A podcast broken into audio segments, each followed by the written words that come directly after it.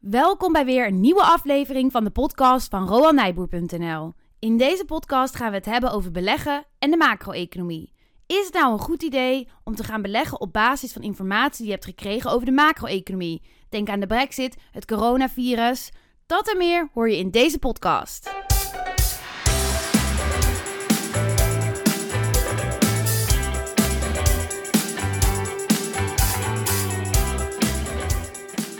Ja, leuk dat je luistert. Ik ben Rowan. En mijn naam is Barbara.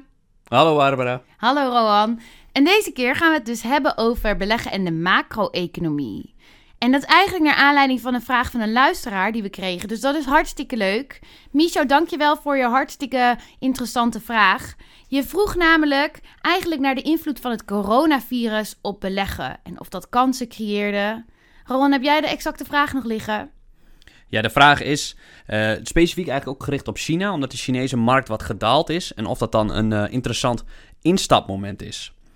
Omdat hij dacht, China is toch een beetje de, uh, het wordt toch de eeuw van China. En dat dat interessante kansen biedt. Ja, hè, want hij schreef van de Chinese markt herstelt zich waarschijnlijk weer. Dus stap je dan nu op een goed moment in? Ja. Supergoed gedacht eigenlijk, of niet? Hele goede gedachte, want hij zit inderdaad wel in de goede vijven te vissen. Want je wil inderdaad waar problemen zijn, daar wil je juist investeren. Ja, en wij vinden het dus hartstikke leuk om hier nog wat extra licht op te schijnen. Uh, Micho, bedankt voor je vraag. Er komt een gratis online cursus je kant op. Want als je als luisteraar een vraag instuurt en we behandelen het onderwerp in de podcast, dan krijg je de online cursus van ons gratis. Uh, dus Micho, hij komt die kant op. Ja, Rohan, de vraag van Micho is dus: hij zag dat de Chinese markt een beetje gedaald was door het coronavirus. En is dat dan het juiste moment om te gaan investeren in de Chinese markt? Nou, ik denk wel dat uh, het wordt de eeuw van China. Dus in die zin, op de lange termijn kan het een heel goed effect zijn. Ik kan zelf niet voorspellen wat nou de lange termijn effecten van dat coronavirus zijn. Hoe, hoe extreem het wordt. En we, we hopen maar dat het, uh, dat het mee gaat vallen. Maar op basis van het verleden en eerdere virusuitbraken en dergelijke, dan kun je zeggen dat het wel mee gaat vallen. Ja, nou hadden we het er kort even over voordat we gingen opnemen. En toen zei ik heel optimistisch ja, maar ja, komt toch allemaal wel goed. En toen zei hij, nou ja, je kunt niet voorspellen of ze straks niet in één keer allemaal dood omvallen, die Chinezen. En toen dacht ik wel even, oeh, ja, ik ging er inderdaad van uit dat het allemaal wel goed zou komen. En dat het dus geen probleem zou zijn om daar te investeren. En ging dus eigenlijk mee met de gedachtegang die Micho ook aangaf van... Um, nou ja, het is een dipje en het komt wel goed met de Chinese markt op de lange termijn. Het kwam geen seconde in me op dat het ook andersom zou kunnen gaan. Ja, en uh, dat, dat maakt beleggen ook zo leuk, maar ook zo, ook zo moeilijk misschien. Uh, want wanneer gebeurt die grote ramp die de wereld uh, echt op, op, de, op de knieën brengt, zeg maar. En ja, maar we hebben aan de andere kant ook al twee wereldoorlogen gehad de vorige eeuw. En toch zijn aandelen op de lange termijn en een wereldepidemie, de Spaanse griep rond de Eerste Wereldoorlog, 10 à 20 miljoen Europeanen toen gestorven. Dat is echt veel toen. En toch aandelen gemiddeld met 7% per jaar omhoog. Ondanks al die rampen en evenementen. Ja, gemiddeld per jaar. Dus ik neem niet aan in die rampjaren. Maar de tijden erna heeft het zich dus heel erg hersteld. Ja, ja. Ja, dus als we nu even het menselijke aspect loslaten en ja. naar de beleggingsfactor erin kijken. Dan zou je zeggen, ja, dan komt het inderdaad wel goed. Ja, vaak op basis van het verleden. Er zijn elk jaar wel wat evenementen die, die de markten bezighouden, die in de krant staan. En vaak, bijna altijd, wordt dat heel erg overdreven en biedt dat hele mooie kansen voor beleggers. Ja, en ik hoor je dus zeggen, zolang het geen onverhoopte wereldramp wordt, dan komt het op de lange termijn eigenlijk altijd wel goed met die beleggingen. Ja, zeker. En, uh, en ook in China. Alhoewel in China zijn er wel altijd wat politieke risico's. Ik, ik heb er ook een paar analyses geschreven op de website. Uh, misschien niet om nu op in te gaan. Maar de politiek speelt daar altijd een risico. Ja, die kunnen uh, zeggen dat een bedrijf iets wel of niet mag, of een bedrijf inlijven zonder pardon. Ja, ja. Ja, dus het is altijd een risico als je het over China hebt. Ja, maar in, in de groei van de Chinese economie denk ik echt dat dit de eeuw van China gaat worden. Ja, dat geeft dus eigenlijk weer. Je zei net al, beleggen is nooit makkelijk, is niet zwart-wit. Er zitten altijd meerdere factoren aan en je moet altijd die afweging maken. En dat is zeker bij een Chinese investering dus zo. Ja, zeker. En uh, mocht je in China willen beleggen, er zijn, zijn ook indexfondsen over China. Dus dan kan je gewoon heel gespreid beleggen. Individueel in Chinese aandelen beleggen is nog eens extra lastig, omdat je nooit precies weet hoe zo'n bedrijf werkt. Je weet nooit wat de Chinezen zelf weten. Er is alleen al die taalbarrière en een cultuurbarrière. Dus het is heel lastig om die bedrijven te begrijpen. Ja, en zelfs als wij ondernemers spraken hè, toen we in China woonden, dan gaven ze ook wel aan: het is zo anders. Want de banden met de politiek en de banden met de overheden en de, de lokale afgevaardigden van de overheid zijn zo belangrijk. En dat kun je je bijna niet voorstellen. eh, zoals het in Nederland gaat, dat dat dan zo belangrijk zou zijn. Maar dat is daar echt zo. Ja, maar Bar, je hebt het nu over de Chinese politiek. En ik denk dat we daar heel voorzichtig mee moeten zijn, want straks luistert de Chinese overheid mee. Oh ja, oh ja. Oké, ga gauw verder. Ja, en, en nog één effect, eh, eh, of een effect. Micho stelde de vraag op dinsdag. eh, en sindsdien zijn de aandelenmarkten al wat weer aangetrokken. Dus, dus zo snel kan dat gaan op de aandelenmarkt. Als de markten denken nu dat het, dat het, dat het coronavirus meevalt. En dan gaat het zo weer omhoog. ja, en vind je het dan speculeren als je daarop inhaakt? Ja, als je puur gaat beleggen op basis van hoe extreem het coronavirus gaat worden. Ja, dan zul je denk ik niet goed doen als, als belegger op de lange termijn. Maar nu was, was je sinds dinsdag, dan had je al herstel gehad. Ja, in die zin bieden zulke gelegenheden kansen om goedkoop in te stappen. Maar ja, zoals we net al zeggen, we weten niet hoe erg dit coronavirus spe- specifiek wordt. Maar beleggen op de lange termijn, zoals we al eerder hebben gezegd, aandelen gaan op de lange termijn maar één kant op. En dat is omhoog. Ja, en nou was er nog een reden dat we dit onderwerp super interessant vinden. Ja, Ja, en dat is omdat het macro-economische eigenschappen in zich heeft. klopt. En misschien kun jij ons daar iets meer over vertellen. Ja, het coronavirus heeft effect op de gehele Chinese economie. Op de- ja. Nou ja, eigenlijk zelfs wereldwijd. ja, alle, alle econo- economieën die worden daardoor beïnvloed. En alle beleggers. Zou je kunnen zeggen. Eh, ik, ik denk op de korte termijn zeker, maar op de lange termijn dat het meevalt. Maar, maar het houdt beleggers wel heel erg bezig. En wat doet dat dan dat het macro-economisch is? Want laten we eerst een stap terug gaan. Wa- wanneer is iets macro-economisch? Kun je ons daar iets meer over uitleggen? Ja, macro-economie, dat is de economie in het grote geheel. Bijvoorbeeld de economie van een land, maar ook de wereldeconomie. En dan heb je het over begrippen als werkloosheid, economische groei. Dat soort dingen. En dat, gaat dat gaat over de, de grote getallen. En daarnaast heb je micro-economie. Dat gaat over bedrijven, individuele bedrijven. Een bedrijf als Volkswagen, als die een nieuwe fabriek bouwt, dat is allemaal micro-economie. Ja, En je hebt nog één tussenligger, dus je hebt micro, macro en daartussenin ligt meso. Dat is op sectorgebied. Dus eh, Tesla heeft net een nieuwe fabriek aangekondigd om in Duitsland eh, te openen. Concurrent van Volkswagen, dat zit echt in de meso. Dat gaat over de sector. voelt als micro bij mij, omdat het over Tesla gaat. Ja, en in, die zin hebben de verschillende micro, meso en ook macro best wel veel overlap met elkaar en effect op elkaar. Maar het is wel goed zaak om die verschillende sectoren te onderscheiden. Waarom zeg je dan in dit geval dat het meso is? Nou, omdat het als belegger denk ik dat je, dat je vaak in een sector de concurrentie goed in de gaten moet houden. Want Volkswagen heeft best wel veel last van nieuwkomer Tesla. En als Tesla gigantisch nieuwe dingen heeft, eh, waardoor Volkswagen geen auto's meer verkoopt, dan gaat Tesla het veel beter doen. En als je als belegger aandelen Volkswagen hebt, is het wel zaak om die, dat meso-effect van de sector, die concurrentie in de gaten te houden. Ja, dat is misschien wel logisch, maar wat is dan het effect van macro-economisch nieuws? Wat, wat maakt het uit wat voor nieuws het is?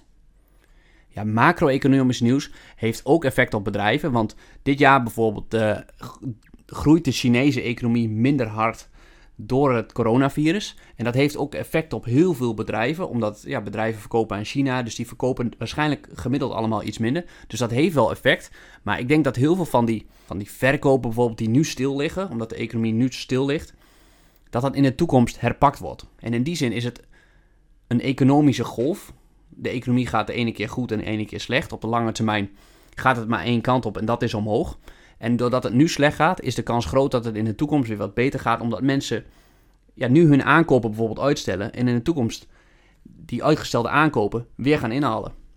En dus halen aandelen en dergelijke zichzelf weer in en de cijfers. Juist, want dat zijn die individuele bedrijven en die zullen in de toekomst dan weer meer gaan verkopen. Ondanks dat de macro-economie het nu slecht doet. Oké, ik vind het wel interessant om nog iets nader te kijken naar dat micro, meso, macro-industrie. Ja. Je gaf al aan eh, als Volkswagen en Tesla als, eh, als voorbeeld. Ehm, je kan dus zeggen, als er echt nieuws naar buiten komt over Volkswagen, dan hebben we het over micro-economie. Dat gaat over het bedrijf zelf. Volkswagen doet iets, bijvoorbeeld de cijfers vielen tegen, misschien daalt de beurskoers dan. Dat is micro-economisch. Klopt. Oké, wat zou dan een voorbeeld zijn van een meso eh, op sectorniveau uh, een nieuwsitem dat zou kunnen komen? Nou, bijvoorbeeld wat ik, wat ik net zei, die, dat, die, dat Tesla een nieuwe fabriek gaat openen en dat Tesla toch wel dingen heel anders doet in die sector. En meso gaat over de sector. Dat Volkswagen toch een concurrent erbij kan hebben die echt problematisch kan zijn. Ja. Ja, en een ander eh, effect is, is mogelijke regulatie. Bijvoorbeeld autobedrijven mogen in de toekomst minder uh, uitstoten. En dat, dat beïnvloedt de hele sector. En dat is ook een stukje meso-economie. Oké, dat zou meso zijn, want dat beïnvloedt de sector van de auto-industrie. En dat ga je dan uh, zien. Ja. ja, en als belegger is dat, is dat noodzakelijk om dat soort dingen te volgen, want die beïnvloeden jou echt. Oké, dus je zegt micro beïnvloed je als belegger, meso beïnvloed je als belegger en macro dan? Macro beïnvloedt je als belegger op de korte termijn, maar op de lange termijn niet. En dat klinkt misschien heel raar, omdat dat wel op de krantenkoppen staat. Ja, je zei eerder ook, macro-economie, dat houdt beleggers bezig. Kun je daar iets meer over vertellen? Ja, die macro-economische effecten, ja, die halen de krantenkoppen. Want dat, daar zijn de meesten geïnteresseerd mee. Dat, dat wil de media laten zien.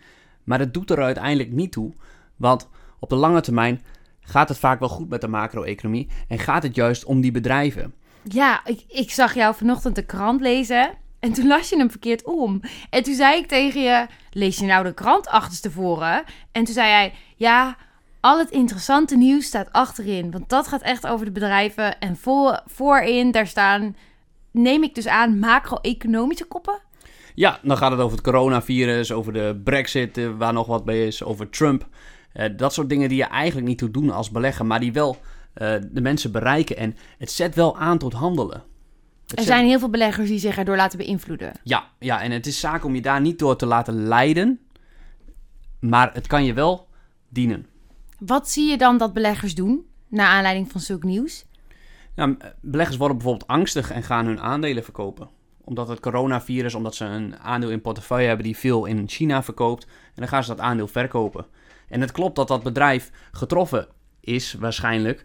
Maar dat is een korte termijn iets. En is het bedrijf dan daadwerkelijk 10, 20% minder waard? Dus bijvoorbeeld dat beleggers massaal hun Starbucks gaan uh, verkopen omdat ze horen dat de, de vraag naar koffie uh, daalt omdat de Starbucks zo gesloten is. Ja, en dat, dat, lijkt heel slim natuurlijk en het lijkt heel logisch. Maar ik denk dat je op de lange termijn als belegger dat niet goed gaat doen. En in mijn, in mijn training is een leuke. Ik heb er zes maart nog eentje waarin je in één dag leert hoe je een topbelegger wordt. maar de eerste, een van de eerste dingen die ik dan zeg is: waar besteed je je tijd aan als belegger? Ja, en eigenlijk, ik hoor je wel vaker zeggen, en volgens mij zeiden we het eerder ook al, het neigt naar speculeren dan om af te gaan op dit soort krantenkoppen. Ja, ik vind dat je echt aan het gokken bent dan. Inderdaad, speculeren is het deftige woord daarvoor. Maar je bent aan het gokken omdat je... één, je kunt het niet precies voorspellen hoe het afloopt. En ik heb, het, ik heb gewoon het idee, als je het niet kan voorspellen, ga er dan ook niet op handelen. Net als in het casino, dat je niet inzet op een nummer, want dat kan je ook niet voorspellen. En als je belegt in sterke bedrijven, dus het microniveau, dan zul je het op de lange termijn goed doen. Want die profiteren dan alleen maar als het tijdelijk even slechter gaat. Dan gaan er wat concurrenten die zwakker zijn failliet. En dan dat, die, die markt gaat dan open voor die sterke bedrijven. Waardoor die alleen maar daarvan profiteren. Ja. En, en in die training geef ik die beleggers ook aan, als je je tijd kan besteden tussen micro, meso en macro-economie, besteed dan 80%, misschien wel 90% van je tijd aan micro-economie, het onderzoeken van het bedrijf waar je in wil beleggen. En 10 à 20% meso-economie, de sector. Want zoals in de autosector, het is echt wel relevant hoe Tesla het gaat doen als je aandelen Volkswagen wil kopen. En uh, eh, 0% van de tijd aan macro-economie. En dat is voor de meeste mensen zo'n openbaring. Want mensen denken, ja, dat kunnen we allemaal niet voorspellen. Dat is een hele complexe wereld. Dat klopt, dat kun je niet voorspellen. Je kan het gewoon negeren. Want op de lange termijn komt dat wel goed.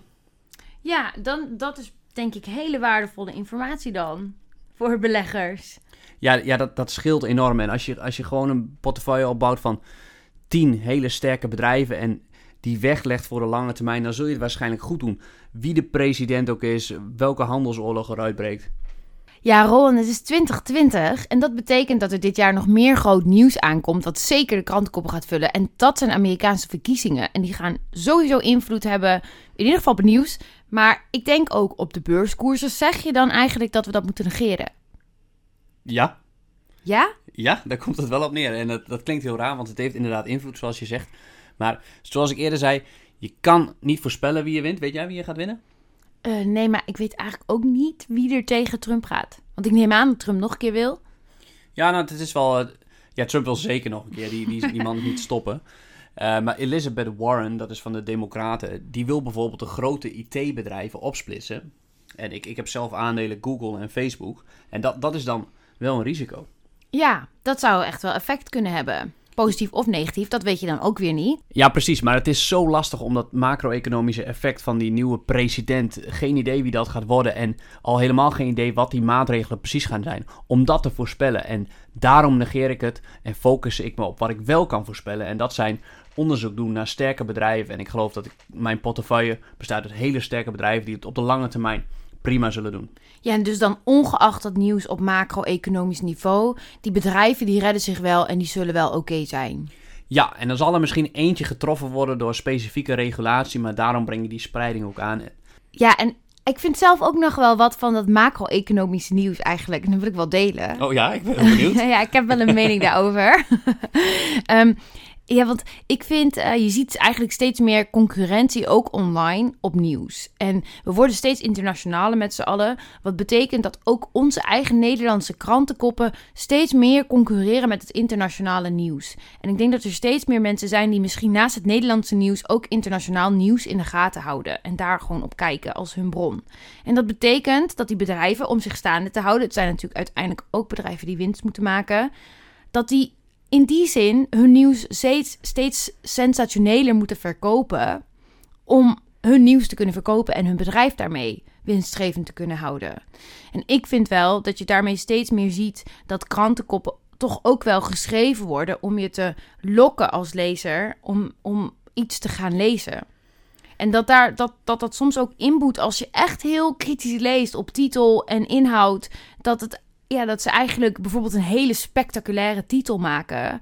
Een hele spectaculaire kop op iets wat eigenlijk mee... kop, Ja, een ja. extreme kop. Ze trekken het echt door opdat jij maar dat artikel gaat lezen. En dat vind ik wel iets om rekening mee te houden. Ook als je belegt of wilt gaan beleggen. ehm, de media is uiteindelijk ook wel een tak van sport die winst moet maken. Zeker. En dat doen ze wel over de rug van de lezer. Eh, ja. ja, maar we sna- we snap, ik snap het wel. Ik snap het ook, zeker. Maar ik vind dat dus moeilijk om daar objectief in te blijven, maar wel zeer belangrijk. Het is makkelijk om je daarin mee te laten slepen. Ja, en dan geldt weer de quote van media als, vullen wel je oren, maar niet je portemonnee. Ja, precies. Dus het is, dit- ik, ik denk dat het een goede tip is. Houd het ook gewoon in de gaten als je het gaat lezen. Hè, van eh, wat doet het? En ik vind om dan de cirkel rond te maken, het coronavirus. Ik las dus laatst ergens. ehm, ik vroeg mezelf al af van ja, hoe verhoudt het zich nou tot griepcijfers en zo? Want ik vond het helemaal nog niet schrikbarend hoog, maar ik ben natuurlijk helemaal geen kenner. Maar ik dacht ja, eh, griepvirus pakt ook bijvoorbeeld oudere mensen en dergelijke. Die, die overlijden ook aan een gewone griep. En tot mijn verbazing las ik ook een nieuwsartikel, maar dat is al wel weer even een week geleden, denk ik. Dus ik weet niet wat de stand van zaken nu is. Las ik een nieuwsartikel waarin inderdaad ook stond van dat het niet bekend is hoe, hoe zich dat verhoudt tot normale griepcijfers. Waarmee ze dus eigenlijk zeggen, we maken sensationele koppen, maar we weten eigenlijk nog niet eens of dit virus meer slachtoffers maakt dan onze normale griep, die we allemaal ongeveer één keer per jaar wel een keertje te pakken hebben. Ja, dat klopt. Dat is heel lastig en dat is heel eh, onduidelijk, de berichtgeving daarin. Ja, En het is vaak of positief of, of, of het valt wel mee, zeggen ze. nou, maar neutraal nieuws is saai. Ja, neutraal nieuws. eh, Ik, ik kan eigenlijk ook niet zeggen. Eigenlijk verkoopt het heel slecht als ik zeg van.